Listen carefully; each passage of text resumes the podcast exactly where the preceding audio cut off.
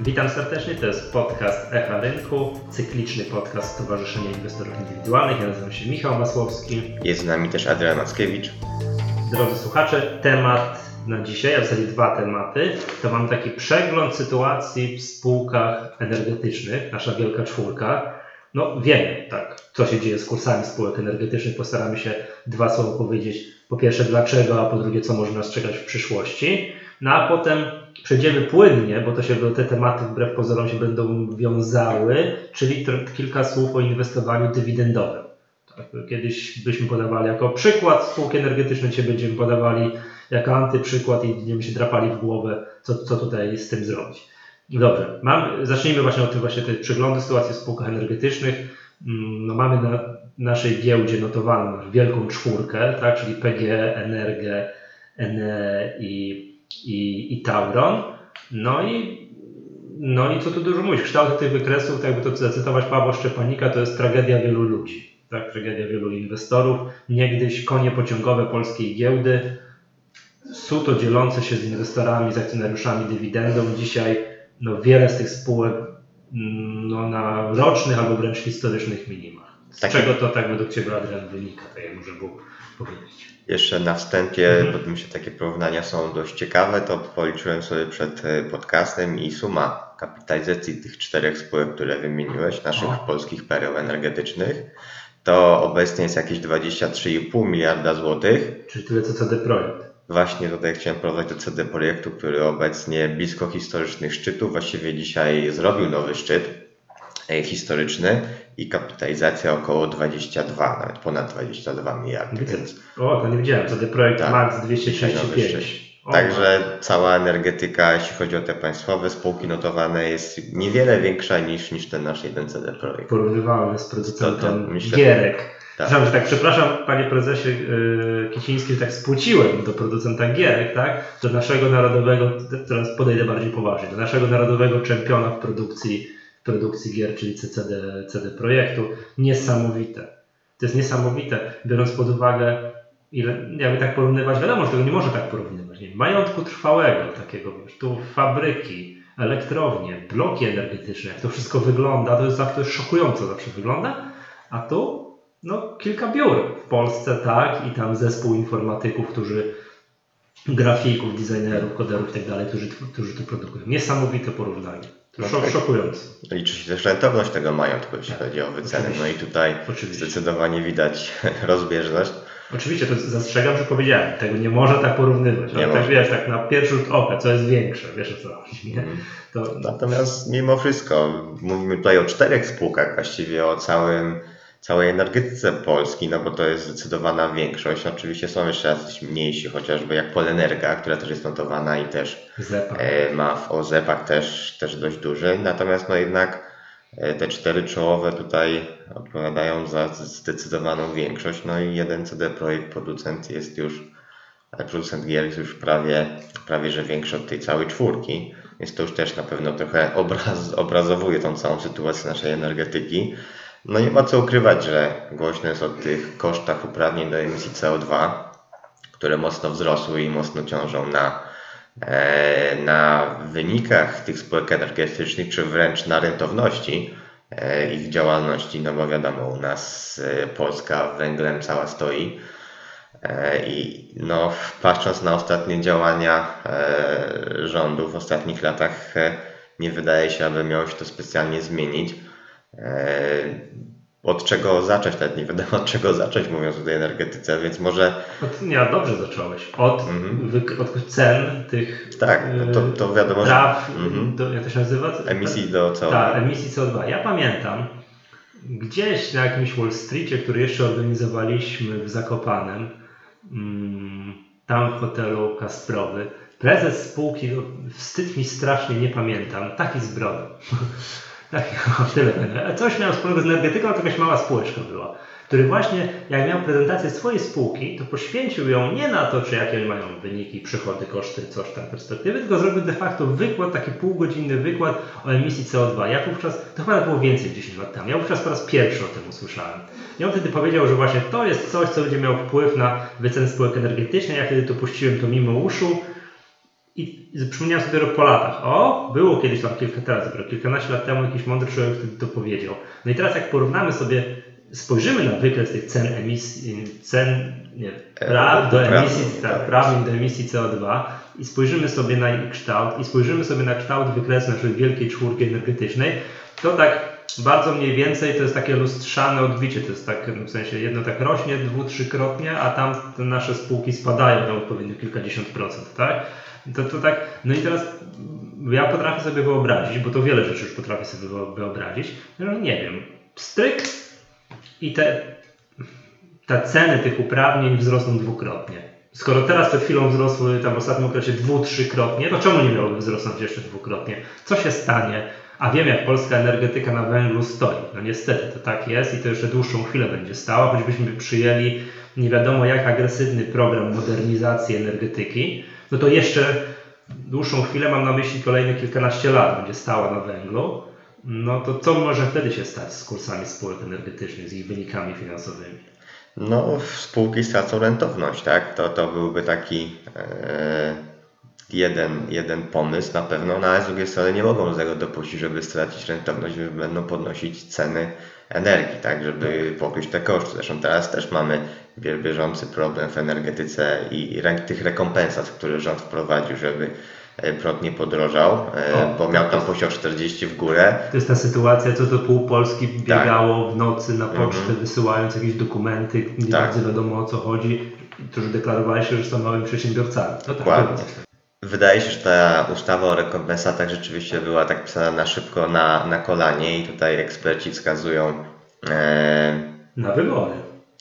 Że tej no, ustawy by nie było, gdyby wybory były za 4 lata, ale że wybory są mhm. teraz tu, za, kiedy są wybory? W październiku? W październiku. No to za półtora miesiąca. No to jest w miarę oczywiste, że w tym roku prąd nie podrożeje, no ale w przyszłym roku no to cudów nie ma. To co mówisz, żeby te spółki energetyczne no, nie pobankrutowały, nie, nie, nie, no mówiąc wprost, no to będą musiały podnieść ceny prądu. Tak? No tak. Cudów nie ma. Natomiast są całe problemy z tą ustawą, jak ona wygląda. Są tam zgłoszone problemy, że e, spółki obrotu, które zajmują się sprzedażą energii, mówią, że niekoniecznie te rekompensaty pokryją, pokryją im te całe koszty. E, no to jakby też wpływa na cały system e, naszego, naszej energetyki. E, też czytałem artykuł e, w Pulsie Biznesu dzisiaj, że e, gminy też tutaj narzekają na, na tę ustawę, bo tam z kolei był podany przykład taki, że jeśli chodzi o oświetlenie uliczne, tak? Mhm. To w zależności od gminy raz właścicielem jest gmina i ona jest końcowym odbiorcą energii i może tam wnioskować o tą rekompensatę, a są sytuacje, i to w szczególności dotyczy bodajże PGE, spółki PGE i chyba Tauron, e, że no, w trakcie budowy tego oświetlenia miejskiego e, tak to wyszło, że spółki wzięły to na siebie i one są właścicielem tego oświetlenia i one są odbiorcą końcowym. Więc jakby gmina z tego tytułu nie dostanie rekompensaty, bo nie jest tam odbiorcą końcowym, czyli zapłaci za to więcej i tak, no bo spółki same dla siebie nie mogą wnosić o, o rekompensaty, skoro one są tutaj odbiorcą końcowym i właścicielem. Więc jest cała masa takich nieścisłości w tej ustawie, kto może, e, cała masa nieścisłości, jak mają być wyliczane te rekompensaty. I w efekcie to też e, tutaj akurat w parkiecie czytałem artykuł, też na ciekawą uwagę zwrócili, e, na ciekawą rzecz zwrócili uwagę w tym artykule, że rzeczywiście te ogólnie duże spółki Skarbu Państwa często raportują jako pierwsze, otwierają ten u nas sezon wynikowy. E, czyli już tam Orlen, Lotos są chociażby po wynikach, e, po publikacji i spółki energetyczne też często publikowały e, wcześniej te raporty. Teraz jeszcze przy wydłużonym okresie do końca września, no to one tam w sierpniu już zamykały ten okres, podawały wyniki, raporty, konferencje, a teraz wszystkie prze, przesunęły publikację raportu za pierwsze półrocze na drugą połowę września bądź końcówkę. Właśnie też e, analitycy się wypowiadali, że spółki same nie wiedzą, jak rozliczać te rekompensaty, bo no nie wiedzą, ile mają tego wpisać w koszty, ile ewentualnie odwrócić wcześniejszych odpisów, które robili na tę ustawę, bo no nie, wi nie wiadomo, jak w ogóle do tego podejść. No nie? Więc jak tutaj też potem inwestor ma się w tym łapać, e, jak analizować te wyniki, jaki to ma realny wpływ na ten biznes. Tragedia jest z, tym, z tymi rekompensatami, a ostatecznie e, no prędzej czy później tak przecież zapłacimy więcej za ten prąd. No To, tak. to, to już jest chyba nieuniknione. No I to to nie- nieważne, czy bezpośrednio zostanie nam to wyjęte z kieszeni e, rachunkiem za prąd, czy w inny sposób e, z budżetu sensie państwa. ale- konsumentom końcowym. No Polakom, tak. Polakom. No, I tak my się na ten prąd złożymy w ten czy w inny sposób. Przecież te pieniądze z rekompensat, one też się nie wzięły znikąd. To z tak? podatków. tak naprawdę to też jest chyba o tyle dziwna sytuacja, że mamy jako Polska e, pewne darmowe uprawnienia e, do emisji CO2, no i możemy je sprzedać na rynku, tak? Więc tutaj właściwie przy tych cenach całkiem e, też ciekawe kwoty z tego uzyskujemy jako kraj. Natomiast no, mamy te uprawnienia przyznane po to, żeby zmieniać ten miks energetyczny i te środki ze sprzedaży darmowych uprawnień wykorzystać do inwestycji. Na, nie, nie wiem ostatecznie na czym stanęło finansowanie tej ustawy o, rekompensat, o rekompensatach, ale e, w początkowym stadium, czyli tam gdzieś w grudniu, istotna część tych rekompensat miała właśnie pochodzić ze sprzedaży uprawnień do CO2. Czyli Aha. dostaliśmy za darmo instrument, który mogliśmy spieniężyć, żeby inwestować i odchodzić od węgla, natomiast wykorzy- Dofinansować. wykorzystamy to po to, żeby dofinansować do węgla. Produkcję węgla, raczej nie produkcję prądu z tego węgla, tak? No, Znowu.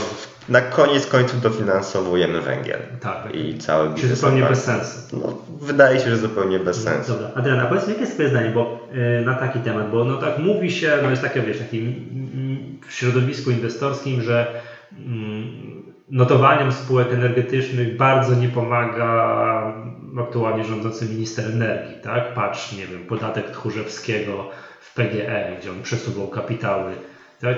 z podstawowego, nie, zapasowego na podstawowy i tam płacił sobie podatek odpowiedni, tak? Na wysokości stu kilkudziesięciu milionów, jakby to, ten, ten taki miecz wisi zawsze nad tymi spółkami energetycznymi.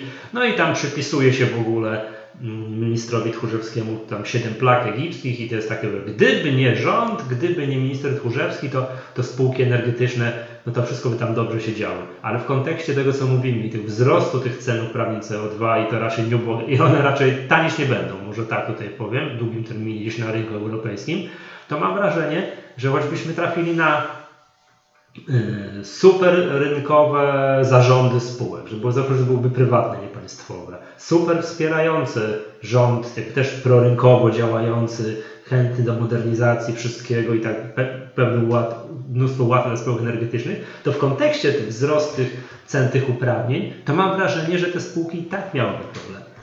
E, Myślę, że masz rację, natomiast e, zwróć uwagę, Żebyśmy tak nie katowali tego biednego ministra, że musi nam musimy szka- katować. Musimy. To, to, co się dzieje w polskiej energetyce, to jest e, tragedia pod wieloma względami. Tu może taki jeden z przykładów, który też sobie wypisałem. To, co się dzieje, jeśli chodzi o za, zarządy tych spółek, to chyba jeszcze nigdy tego nie było. Wszyscy wiemy, że jest nowa władza, jest nowy zarząd, ale za obecnie. Przyzwyczailiśmy się do tego. Tak, tylko nie przyzwyczailiśmy się, że może być 8 zarządów w trakcie 4 lat. Mm, Tak, A taki przykład jest y, chociażby w Enerdze. dokładnie. A to gdzie- są bardzo duże, skomplikowane spółki. Zanim prezes się rozsiądzie w fotelu, zanim pozna spółkę, zanim tam wyczuje co i jak, zanim powie, dobra, wiem o co chodzi, taka jest strategia, idziemy w tym kierunku, to już go nie ma. Tak, tak statystycznie.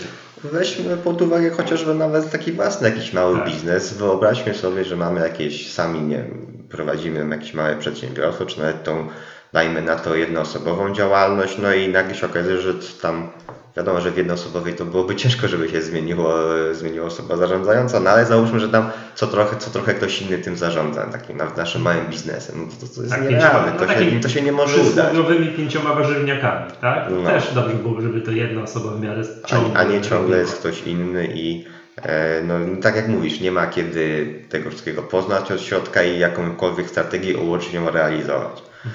E, Więc to też o czym mówiłeś, że tam kilkanaście lat temu na Wall Streetie już ten problem się pojawił, no to może gdyby jednak to były spółki e, prywatne, one też by już to widziały te 10 lat wcześniej. No i gdzie byłaby dzisiaj energetyka, gdybyśmy już 10 lat temu zaczęli jakieś e, działania zmierzające ku, ku poprawie, próbowali jakoś zni- zniwelować ten efekt No, To zmieniać to takie popularne CO2, słówko, tak. ten miks energetyczny. Zmieniać jak miks się energetyczny. ogląda e, takie wykresy, ile pochodzi z, z tych odnawialnych źródeł energii prądu w Europie, a ile z węgla, a ile w Polsce, no to Polska jest taką, to jest z reguły na takich wykresach, to są takie infografiki, ta produkcja węgla jest przedstawiana kolorem czarnym, no produkcja prądu z odnawialnych źródeł energii jest kolorem zielonym, no i tam jakaś energia atomowa jeszcze jakimś innym kolorem, no to Polska jest zawsze taką czarną kropką, Mhm. tak, na tej mapie, na tej mapie Europy, tak, no to wydaje się, że to ten zwrot w kierunku tych odnawialnych źródeł energii powinien był nastąpić wtedy, o, wtedy jak ten, no najmocniej, przepraszam panie prezesie, nie pamiętam nawet jaką spółkę pan reprezentował, ale, ale, ale pamiętam, że ten wykład taki poświęcony właśnie tym uprawnieniom, wtedy o tym po raz pierwszy usłyszałem, nie, i to wtedy powinniśmy byli zacząć zmieniać to wszystko. Ale tak samo y, zauważ, że gdyby spółki Skarbu Państwa nie były spółkami Skarbu Państwa, to raczej nie realizowałyby nierentownych projektów. Nie kupowałoby pewnych kopalni. Na przykład. Mhm, jasne. Tutaj jeszcze przypomnę, że przed ministrem Tchórzewskim był pan minister Dawid Jackiewicz. To wtedy jeszcze chyba nie było Ministerstwa Energii, tylko Ministerstwo bo to się potem to wydzieliło, tak. tak. Właśnie zlikwidowano Skarbu Państwa ministerstwo i pojawiło się Ministerstwo Energii. To już wtedy minister Dawid Jackiewicz mówił, że spółki Skarbu Państwa powinny mieć inne cele niż te stawiane przez kodeks spółek handlowych. No tak. Czyli tam Pamiętam potem, to, potem śmialiśmy się z niego i tak, Tak. pytaliśmy się o co chodzi. Tak? kilkoma wypowiedziami doprecyzował, że powinny realizować politykę e, państwową. No ale to po zmianie yy, tutaj jakby przyporządkowania, co podlega jakiemu ministerstwu, to minister Tchórzewski wypowiadał się w podobnym tonie. Tak. Pamiętam jego Mhm. wypowiedzi takie, że główni właściciele głosują, a drobni akcjonariusze przyjmują do wiadomości. No to właśnie jest skandaliczne. Mówimy o spółkach notowanych na, e, na giełdzie, spółkach publicznych, e, gdzie, w które też inwestują inwestorzy zagraniczni. No i no, po takich wypowiedziach, po takim traktowaniu i inwestorów, i tych samych spółek, takim zarządzaniu, no kto ma te spółki kupować, żeby te kursy, kursy rosły, tak? Nie dość, że są problemy takie właśnie fundamentalne, e, typu właśnie koszty CO2, są problemy z tym, że nie ma strategii, e, jak sobie z tym poradzić i nie jest ona realizowana. Tak naprawdę, jak na wyborach się zmieni władza, to może znowu się zmieni o 180 e, stopni podejście do energetyki. Może rzeczywiście, jeśli by w ogóle była nowa władza, teraz też opozycja wydaje się dość dużo mówi o tym OZE. No przecież jak teraz y, nagle przestawimy się o 180 stopni na OZE i zaczniemy, zaczniemy zamykać kopalnie, no to przecież te spółki też z dnia na dzień na to się nie, Nie, to jest nie. No to jest niewykonalne, no oczywiście, To, no taki, ale taki proces trzeba zaplanować, ale to jest, no ja się, no nie znam się. Na kilkanaście, kilkadziesiąt lat? oczywiście, że tak. To są, to są długoterminowe inwestycje, które trzeba realizować. Natomiast no znowu będzie jakieś obrócenie tego wszystkiego o 180 stopni. Spółki będą musiały próbować się do tego zaadaptować. No i To, nie, to, to, te, też nie tak. będzie proste. To nie jest LPP czy CCC, że jak im kolekcja nie wiem, wiosenna się nie uda, no to jest duża, duża, szansa, że, że letnia już im się uda, tak? Mhm. albo jesienna im się uda i tam pół roku wyjdą na prostą, bo trafią z kolekcją i tak dalej. Tu inwestycje w energetyce no to są gigantyczne. Tak, i inwestycje. długoterminowe, więc Tak. naprawdę mamy dużo problemów e, tych fundamentalnych, na które nie do końca chyba mamy jasno wybraną drogę ich rozwiązania, czy jakiś pomysł i, i jest też dużo różnych e, przeciwstawnych sobie pomysłów, co, co mamy robić i w którą stronę iść. E, A obecnie raczej wydaje się, że jesteśmy mocno właśnie nastawieni mimo wszystko na węgiel i trzymania się tego. E, No a z drugiej strony właśnie mamy te problemy, które tutaj e, też wymieniliśmy, takie od strony bardziej traktowania tych spółek, podchodzenia do nich, czyli właśnie podatek, jakieś nierentowne inwestycje, ratowanie w ogóle innych sektorów. No wiadomo, że górnictwo, szczególnie dla polskich spółek, jest bardzo ważne, ale jeszcze nie, dwa lata temu to było bodajże cztery spółki się zrzuciły na ratowanie Polimexu Mostostal.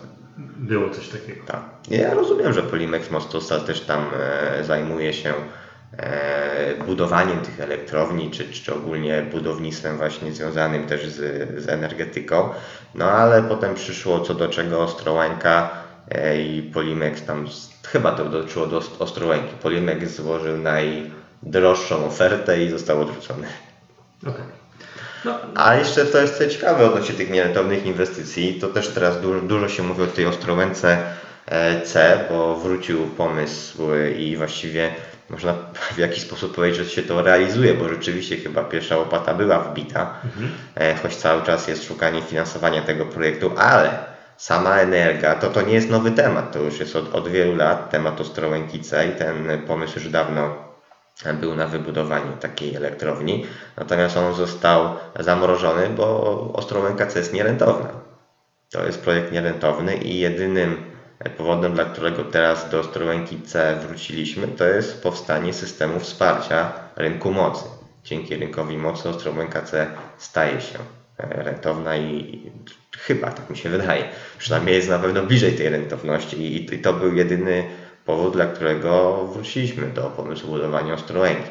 Dlatego, że powstał system wsparcia dla, mhm. dla tego źródła energii. Adrian, to co według Ciebie musiałoby się stać, żeby te spółki, no bo to tak mówię, no te spółki, każda z nich ma na pewno mnóstwo inwestorów indywidualnych. No teraz chciałbym tutaj publicznie pochwalić pomysł energii, która no, mimo ciężkich czasów w energetyce, tak, o których tutaj powiedzieliśmy, mm, postanowiła zakładać, organizować taki klub lojalnościowy dla, dla inwestorów hmm. indywidualnych, dla drobnych akcjonariuszy energii, który ten pomysł będzie realizowany teraz na jesieni, no i my jako stowarzyszenie będziemy no, kibicować, wspierać, no i pomagać w rozwoju tego, e, tej, tej inicjatywy.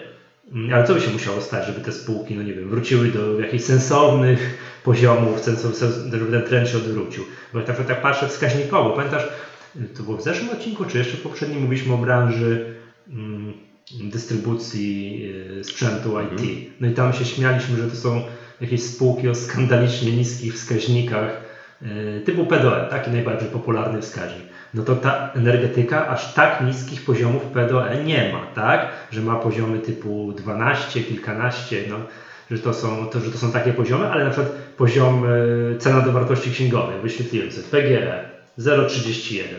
W księgach są według wartości 47 miliardów, na giełdzie 14. Tak? To też pokazuje, to zaufanie inwestorów, to podejście do, do, do wycen, tak? Taki, to co by się musiało według Ciebie stać trwale w tej energetyce, żebyśmy jednak i inwestorzy dojrzeli szansę, że to jednak ma, ma, może powrócić do jakichś sensownych, no, innych, wyższych poziomów, tak? Ciężko tutaj mówić. Słówko sensowne chyba nie jest na miejscu. Przede wszystkim stabilność. E, to, o czym mówiliśmy no, wcześniej, że minister Tchórzewski rzeczywiście był taki E, czy nawet kilka było takich okresów w ostatnich e, latach, że inwestorzy wręcz z niecierpliwością czekali, co powie minister Tchórzewski, jaka będzie jego następna wypowiedź i, i na to tak naprawdę bardzo mocno reagowały kursy. No tak, z tymi rekompensatami to potrafiło się zmienić kilkukrotnie w ciągu jednego dnia. Tak. Nie to, że tam w ciągu tygodnia, dwa tygodnie, miesiąc. To był, dnia to był bardzo kilka razy zmieniał zdanie. Mhm. E, no tak samo z tymi kapitałami, tam minister Tchórzewski też miał bardzo różne podejście do, zaraz mówił, że jest nieopłacalne, potem z kolei już mówił, że jednak OZE jest dobre, potem znowu mówił, że, że nie bardzo z tym OZE, że nam narzucają i po prostu robimy, bo musimy. Także tutaj naprawdę wiele, wiele tych rzeczy się zmieniało, ale chodzi też o stabilność w tych spółkach, tak? Czyli stały zarząd, jakaś strategia realizowana przez kilka lat, mm, przez kilka lat jakaś taka w ogóle sensowna, czyli właśnie odejście od tych nierentownych inwestycji. Naprawdę energetyka ma wystarczająco, dużo własnych problemów, żeby miała jeszcze ratować jakieś inne sektory e, i własne bardzo duże inwestycje, chociaż z drugiej strony ten pik inwestycyjny chyba, chyba już właśnie minął. Te lata największych inwestycji chyba te już spółki mają za sobą. E, też niektórzy analitycy tutaj pozytywnie nastawieni, powoli już tam wieszczą powrót do dywidend z tych spółek, że właśnie argumentując, że gdzieś te najwyższe lata najwyższych inwestycji te spółki mają już za sobą. No, no jak będzie w tym otoczeniu oczywiście zobaczymy. E, dużo pewnie będzie też zależało od, od właśnie zarządzających tymi, tymi spółkami. Przede wszystkim stabilizacja E, od strony właśnie tutaj zarządzania tymi spółkami, jakaś strategia, która będzie realizowana e, i która będzie nastawiona na, na rentowność tak naprawdę. No i dodałbym do tego brak eksplozji tych yy, cen tych uprawnień. No to już trochę od tego jesteśmy niezależni, tak? Ale no zdecydowanie te uprawnienia będą tutaj też mocno, mocno mogą wpływać na, na wyceny. Też no bo tak y, bardzo rynkowo podchodzą do, do, do, do, do rzeczy, jakby nie było polityki, wyborów i w ogóle, no to bardzo duży znaczy wzrost cen uprawnień powinien się przekładać na konsumentów, bo to no co, no prąd drożeje, to jest prąd coraz droższy. Tak w nieskończoność nie można. Ja wiem, że każdy musi światło zapalać i lodówkę i tak dalej, to gospodarstwa domowe to jeszcze jakoś tam przetrwają, powiedzmy sobie te kwoty są jeszcze takie do ogarnięcia, ale to na przemyśle się rozwinie, tak? Na jakichś zakładach, które płacą no, w grubych tysiącach, albo już w dziesiątkach tysięcy, albo w milionach złotych miesięcznie, miesięcznie za prąd, więc to taka podwyżka o kilka procent. No. W przypadku gospodarstw domowych to może być tam o kilka złotych, kilkanaście, to powiedzmy sobie może tam przed, przed, przeżyjemy, chociaż też do, tak do końca to mm, to nie jest tak, to nie jest odczuwalne. To jest odczuwalne, to w przypadku przedsiębiorstw to by miało gigantyczne już znaczenie. No teraz właśnie mamy te rekompensaty. Powoli spółki będą też publikować w raportach półrocznych, e, jaki wpływ z tego tytułu tam pokażą po, po złożeniu już tych wniosków. No i to rzeczywiście w tych e, mocno kapitał, nie kapitału, ale energety, energochłonnych, no to rzeczywiście może być liczone w milionach te rekompensaty, tak? Więc no to, to są duże kwoty. Jasne. Dobrze, i przejdźmy płynnie do tematu tego dywidendowego, bo to się wszystko łączy. Spółki energetyczne mm -hmm. i kiedyś w Polsce, jak wchodziły na giełdę w ramach programu Akcjonariat Obywatelski, to mrugano do nas okiem, wy tu kupcie te akcje, drodzy inwestorzy, a my wam tu stabilnie będzie, bo proszę, energetykę nie upadnie, prąd w gniazdku musi być, tak? No bo przecież e, w priorytecie faktur to zawsze ta opłacy, opłacania kosztów co miesięcznych zawsze prąd jest gdzieś tam na samej górze. Tak, no raczej prąd mieć musimy, tak. więc jakby prąd w gniazdku będzie i przy okazji dywidendy będą płacone, to był jakiś taki pewnik, taki wyznacznik, że no, spokojnie zawsze można było kupić spółkę energetyczną i ona te dywidendy będzie płacić i tak też jest na zachodzie. A do tego jeszcze w Polsce Skarb Państwa, który zawsze będzie potrzebował tych dywidend, bo nie, nie pogardzi dodatkowymi, e, dodatkowym wkładem do budżetu. Oczywiście, że to zawsze tak było. To w KGHM całe lata to obowiązywało, że jak była dywidenda, jakaś propozycja zarządu, przez, przyjeżdżał lokalny przedstawiciel Skarbu Państwa i ta dywidenda dziwnym trafem zawsze była wyższa. To całe lata tak było, tak? Mhm. Dopóki rząd nie wynalazł innych metod transferu pieniędzy ze spółek państwowych do do budżetu z pominięciem akcjonariuszy. Tak? No to, wiemy w KGHM jak to funkcjonuje, czy też właśnie może funkcjonować w spółkach energetycznych, co przykład PGE pokazał. Mm, no i właśnie, no i to były te spółki dywidendowe. Kiedyś mam wrażenie wśród inwestorów indywidualnych cała taka strategia, że żeby, żeby kupować sobie spółki państwowe, już nawet nie mówię o energetycznych, państwowe, bo tam zawsze dywidenda jest solidnie płacona, bo jest to, co powiedziałeś, to jest zawsze wpływ do, wpływ do budżetu. Mam wrażenie, że sytuacja się trochę pozmieniała. W ogóle powiedz mi, jak czy Ty podchodzisz do tych inwestowań, inwestowania dywidendowego, bo ja nie ukrywam, jestem wielkim fanem. No szczególnie w Polsce dywidendy to, zresztą chyba nawet nie tylko w Polsce, dywidendy to jest istotny element y, zwrotu w długim terminie. No natomiast no, jak tak naprawdę wydaje mi się, że trochę może czasem na siłę próbuje się przeciwstawić, że jakieś inwestowanie dywidendowe to jest zupełnie co innego niż jako takie inwestowanie, nie wiem, fundamentalne czy, czy coś takiego. Naprawdę e, sprowadza się do, do, do, do tego samego, czyli że w przyszłości spółki mają się rozwijać i coraz więcej zarabiać, płacić coraz wyższe dywidendy. E, no a jeśli do, dodamy do tego długo, ten czynnik długoterminowy, no to bardzo ważne jest to, aby po prostu kupić spółkę po, po dobrej cenie, czyli tanio, tak? Dokładnie. To też nie do końca wiadomo, co znaczy tanio i rynek nieraz weryfikuje, że wydaje się, że jest tanio, a potem okazuje się, że jest jeszcze o wiele, wiele taniej. No, natomiast zawsze najważniejsza jest oczywiście przyszłość, tak? Nie to, ile spółka wypłaciła dywidend, ale ile wypłaci w przyszłości. I też o tym e, kiedyś rozmawialiśmy, nawet wydaje mi się, że w podcaście, e, że teraz e, mamy właśnie takie bardzo negatywne nastawienie i do spółek energetycznych, i do spółek Skarbu Państwa, Natomiast to są tylko 4 lata ostatnie tak naprawdę. Jakby z perspektywy jakiejś naprawdę długiego terminu, tam 30-40 lat inwestowania, to można powiedzieć, że to są te 4 lata. No ale to są te, z drugiej strony to są te najbliższe 4 lata, w których żyliśmy ostatnio, obserwujemy te notowania i, i logujemy się na ten nasz rachunek maklerski, widzimy co się tam dzieje, więc jakby o tym najbardziej pamiętamy, na tym się najbardziej skupiamy. No ale trzeba pamiętać, że trzeba patrzeć w przyszłość. Wyceny nie powiem, że są niskie, może energetyki, ale na pewno są na niskich poziomach, no bo rzeczywiście tam e, pukają w historyczne minima, albo wręcz w poprzednim tygodniu zostały one tam trochę poprawione o, o kilka, kilkanaście groszy. E, no ale trzeba patrzeć w przyszłość i to e, najważniejsza rzecz w inwestowaniu dywidendowym to moim zdaniem jest analiza spółki pod kątem, czy będzie w stanie coraz więcej E, pieniędzy przeznaczać na dywidendy.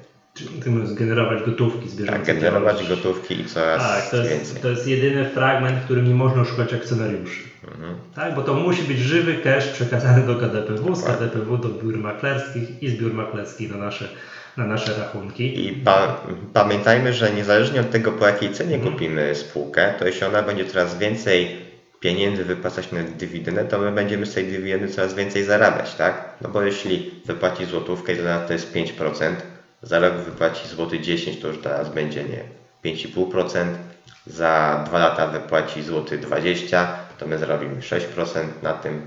Bo cena wejścia, się nie, cena wejścia się nie zmienia, zmienia się tylko to, ile ona nam wypłaci w przyszłości ta spółka w formie dywidendy, więc to jest bardzo ważne. Tak, no nie ukrywam, ja jestem fanem właśnie takiego, no to każdy jest fanem czegoś takiego, tak? Kupić dzisiaj spółkę, która wypłaca sensowną dywidendę i liczyć na to, że w przyszłości będzie wypłacała jeszcze wyższą, tak? Niestety rok, ciężko sobie wyobrazić, że powtórzył się rok 2008. Ja pamiętam, że to takim jednym z najbardziej spektakularnych przykładów był KGHM, który można było kupić po 20 zł, tam po takim strasznym załamaniu, a on 3 lata później wypłacił 27 zł w formie dywidendy. Wtedy KGHM zarobił rekordowe chyba 10 miliardów złotych. Ale wtedy wszystko sprzyjało. Wszystko. była na, nie, no nie wiem czy na historycznych e, poziomach, ale tam chyba 11 tysięcy dolarów. To, to, to naprawdę bardzo, bardzo Tak, wysokie poziomy. Kosmicznie wypłacili tę dywidendę. Ja pamiętam, że nawet ty chyba napisałeś taki artykuł Mhm. właśnie o tych spółkach, które się tak błyskawicznie spłacały z dywidend i ten KGHM to oczywiście była gigantyczna spółka, to bardzo rozpoznawalne i tak dalej, ale wówczas wtedy na giełdzie mm, najszybciej to pamiętam, że znalazłeś ten przykład, że Syntos zwrócił się jeszcze szybciej. Mhm, Też tak. z dywidend, chyba w 2 czy 3 lata w całości się zwrócił z dywidend. No niestety tego nie da rady znaleźć w tym momencie, y, jakie to były poziomy, po ile, ile było tej dywidendy, bo Syntos nie jest notowany. Trzeba by grzebać już w jakimś tam, Mhm. już naprawdę w jakichś historycznych mm, artykułach, notowaniach. Ale to jest tak, i na takie rzeczy, podaję specjalnie, to jest bardzo takie spektakularne, duże, na takie rzeczy nie można liczyć. To się zdarzy raz w życiu każdego inwestora, że kupi sobie jakąś spółkę, a ona się w dwa lata zwróci z dywidend, tak? Czy tam w trzy lata. Bardziej bym powiedział, trzeba szukać takich stóp zwrotu, no nie wiem, ile byś dzisiaj uznał, że jest atrakcyjna stopa zwrotu z dywidend, Mm, że warto tutaj się pochylać, ryzykować, a nie iść do banku i sobie szukać jakiejś promocji na 3%. 4%? 5%? No, ja bym powiedział takie- są sensowne dywidendy. Ja, też jak tak, ja bym powiedział tak, 4, 5, ale z nadzieją, że to będzie 6, 7, 8 w przyszłych latach. Ale oczywiście, że tak, to jak, tak Mhm. jak mówiłem na początku, prawda, to o to nam chodzi, żeby spółka coraz więcej wypłacała, co oczywiście dla nas by się przekładało na coraz wyższe e, stopy zwrotu z tej Mhm. dywidendy. Tak, no właśnie, a wracając na chwilę do tych spółek energetycznych, no to tak, one były podawane jako przykład inwestycji dywidendowych, no teraz to jest w ogóle kompletne przeciwieństwo, ale też tak sobie myślę, właśnie jakby to popatrzeć w takim perspektywie 30-letniej. Hmm. No to jeszcze nic nie jest przesądzone Tak, w nic, nie, nic, perspektywie przesądzone, nic nie 30-letniej. jest przesądzone, no raczej nie zbankrutują, ale można sobie wyobrazić łączenie. No, można sobie też wyobrazić, że, ona, że te spółki będą na tych poziomach cenowych do nieskończoności. Tak? Znaczy tutaj na pewno w e, tym sektorze jest właśnie taki problem, że teraz ogólnie globalnie mamy bardzo Mhm. duże zmiany, jeśli chodzi o to skąd e, brać, s- jak produkować, jak wytwarzać energię. I to jest dość takim dużym, fundamentalnym problemem na długi termin. E, No węgiel, może nawet mamy tam zapasów na 200 lat węgla, ale mimo wszystko gdzieś też ten węgiel w końcu się skończy, będzie coraz głębiej, coraz droższy i No, no będzie do wydobycia. presja ta klimatyczna będzie Mhm. już taka, żeby no, przestawać w trybie naprawdę, że nie, niemalże natychmiastowym no, emisji dwutlenku węgla do atmosfery. To już będzie nie tylko, no Polskę my sobie to jeszcze lekceważymy, no ale już taka światowa, no to presja będzie gigantyczna, żeby tak przestać produkować węgiel, znaczy energię, przepraszam, Mhm. nie? No, także wydaje- szy, szybciej niż nam się wydaje tą potrzebę spalania, potrzebę zastopowania spalania węgla. Także wydaje mi się, że ta energetyka stoi właśnie przed y, okresem dużej transformacji. Nie będzie to, nie wydarzy się to szybko, będzie to rozłożone na dziesiątki lat, y, będzie to bardzo kapitałochłonne. Y, no i to jest trochę chyba nie wiadomo, jak spółki sobie y, z tym poradzą i No, no właśnie. gdzie będą właśnie za te I teraz, kilkadziesiąt lat. mówimy o inwestowaniu dywidendowym, to ja powiem Ci szczerze, że już bym, ja bym nie szukał właśnie. Biorąc pod uwagę to wszystko, co powiedziałeś wśród spółek energetycznych, kandydatów do spółek dywidendowych, które nam będą na emeryturze grzecznie płaciły te dywidendy. Ja bym szukał, wiesz, jakimś producencie pasty do zębów, wiesz, czymś takim, co to musi być, tak? Jakichś spółkach abonamentowych, nie wiem, w producencie alkoholu, bo to raczej w którą stronę świat by nie skręcił, alkohol ludzie będą pili. W tego typu dobrach, tego typu usługach, co to po prostu ludzie Mhm. muszą korzystać. Wbrew pozorom nie w prądzie, bo są te problemy, które muszą, które, muszą, o których powiedziałeś, że to jest dramatycznie kapitałochłonne, ale w takich, co to w miarę niezależnie od koniunktury, ludzie gdzieś abonamenty płacą, yy, alkohol piją, zęby myją, po chleb chodzą, buty muszą ubierać i tak dalej, i tak dalej. W tego typu usługach szukałbym takich spółek, no tak takich właśnie dywidendowych, co to nam będą te dywidendy do nieskończoności płaciły. No zdecydowanie ogólnie jeśli mówimy o inwestowaniu długoterminowym, to dobrze jest rozumieć w to, co inwestujemy. Mogło się wydawać, że ta energetyka to jest prosty temat, no bo ktoś tam wytwarza prąd, ktoś, ktoś ten prąd odbiera. No natomiast to, to jest tak naprawdę wydaje mi się bardzo skomplikowany sektor, mocno zależny też od właśnie polityki. Ale No rzeczywiście, bo każdy to uważa, że to e, jest proste, co robi PGE. No jak co robi? Klikamy świat, stryczek i światło się Tak, świeci, no to tak? To nie. zachęcam, żeby przejrzeć jakąś taką y, prezentację z wyników kwartalnych PGE. Tak? Tak, no to- to jest masakra, że jak skomplikowana to jest działalność. No i też trzeba jednak przyznać, że trochę wykracza też poza samą spółkę, tak? No bo właśnie polityka kraju energetyczna, którą musi realizować, więc e, no oczywiście ma jakiś wpływ na też kształtowanie, w którym kierunku się rozwija, ale powiedzmy, że, e, że ci producenci pasty e, do zębów czy butów mają tutaj większą elastyczność. Tak, no tam e, tak, producent butów nie musi zapewniać bezpieczeństwa energetycznego kraju. Mhm. Tak? No Tak. jakby z której strony by, z której strony by na to nie patrzeć. Tak? Więc to tak, to, to może temat na osobny odcinek, ale gdzieś tam gdzieś postaram się kiedyś zebrać. Co to, jakie to spółki, jakie branże w ogóle mogą działać, powinny działać, żeby właśnie być takim w miarę bezpiecznym producentem dywidend. Z punktu widzenia wtedy inwestora indywidu- indywidualnego taka spółka nie jest producentem butów, alkoholu, pasty zębów, tylko jest producentem gotówki. Tak, Mhm. ja patrzę tylko wówczas, yy, to, tak, czy mi się stopa dywidendy zgadza, mówiąc wprost. Ja powiem Ci tak, w takich bardzo długoterminowych inwestycjach, mamy tak parę takich spółek w portfelu, to już jak sobie wyliczam, ile dostałem dywidend, to patrzę, że to już tak mniej więcej, nie wiem, połowa mi się spłaciła już tej spółki w dywidendzie, tak? I w tym momencie, nie wiem, moja stopa dywidendy to jest tam jakieś 8, 9, czasami 10%. No bo kupiłem ją tanią, ona wzrosła, płaci dywidendy. To jest super, bo wówczas to, czy ona danego dnia spadła 5%, czy wzrosła 5%, to przestaje mnie powoli obchodzić. Bo to już tak naprawdę ja tylko patrzę, czy mi się stopa dywidendy zgadza. Tak, więc po latach uodparniam się dzięki temu na to, że ta, nie wiem, że to, nie wiem, patrzę sobie, jaką mam roczną stopę zwrotną do danej spółce. Patrzę, zaglądam, minus 15%. Ok, przyjmuję do wiadomości, ile spółka zapłaciła dywidendy. Znowu parę groszy więcej niż rok temu. W porządku. To może sobie spadać 15%. Oczywiście w długim terminie tak nie może być, bo te spadki 15% to też czegoś wynikają i gdyby tak było w długim, kilkuletnim terminie, to te przestałyby płacić te dywidendy, bo to z czegoś by wynikały te problemy, ale w krótkim. Dla mnie termin roczny jest krótki, to w ogóle mnie nie interesuje. Czy to spadło 15, czy wzrosło 5, to jest z takiego dywidendowego, wieloletniego punktu widzenia to jest super. To prawda, natomiast też e, trzeba się tego nauczyć, właśnie tego doświadczenia, że rzeczywiście inwestujemy w tam perspektywie wieloletniej, no bo jednak będziemy mieć e, w tej długiej perspektywie okresy, czy to dekoniunktury, czy spółka będzie w jakichś tam mniejszych bądź większych problemach, no i te notowania będą spadać, bo tak to po prostu chodzą, tak działa giełda, tak? E, Rośnie po to, żeby potem spadło i żeby znowu odbiło. E, No i tak jak mówiłem na początku, tak naprawdę myślę, że inwestowanie dywidendowe, czy po prostu inwestowanie fundamentalne sprowadza się do tego samego, czyli kupić dobrą spółkę, e, bo dobra, tak mówiąc w dużym uproszczeniu, co to jest dobra spółka, tak? No, ale oczywiście spółka, która będzie po prostu coraz więcej zarabiać pieniędzy. Dobrze. Okej, to chyba wszystko na dzisiaj, tak? Wydaje mi się, Dobra, tak. to będziemy, ten temat y, inwestowania dywidendowego będzie się jeszcze na pewno przewijał przez wiele odcinków, w zależności od tego, jakiej branży dotkniemy. No dzisiaj dotknęliśmy branży energetycznej, no to też siłą rzeczy mówiliśmy o zawiedzonych nadziejach inwestorów, którzy gdzieś tam wykupowali te spółki energetyczne w nadziei, że one przez lata będą płaciły dywidendy. No może będą płaciły, ale teraz póki co nie płacą.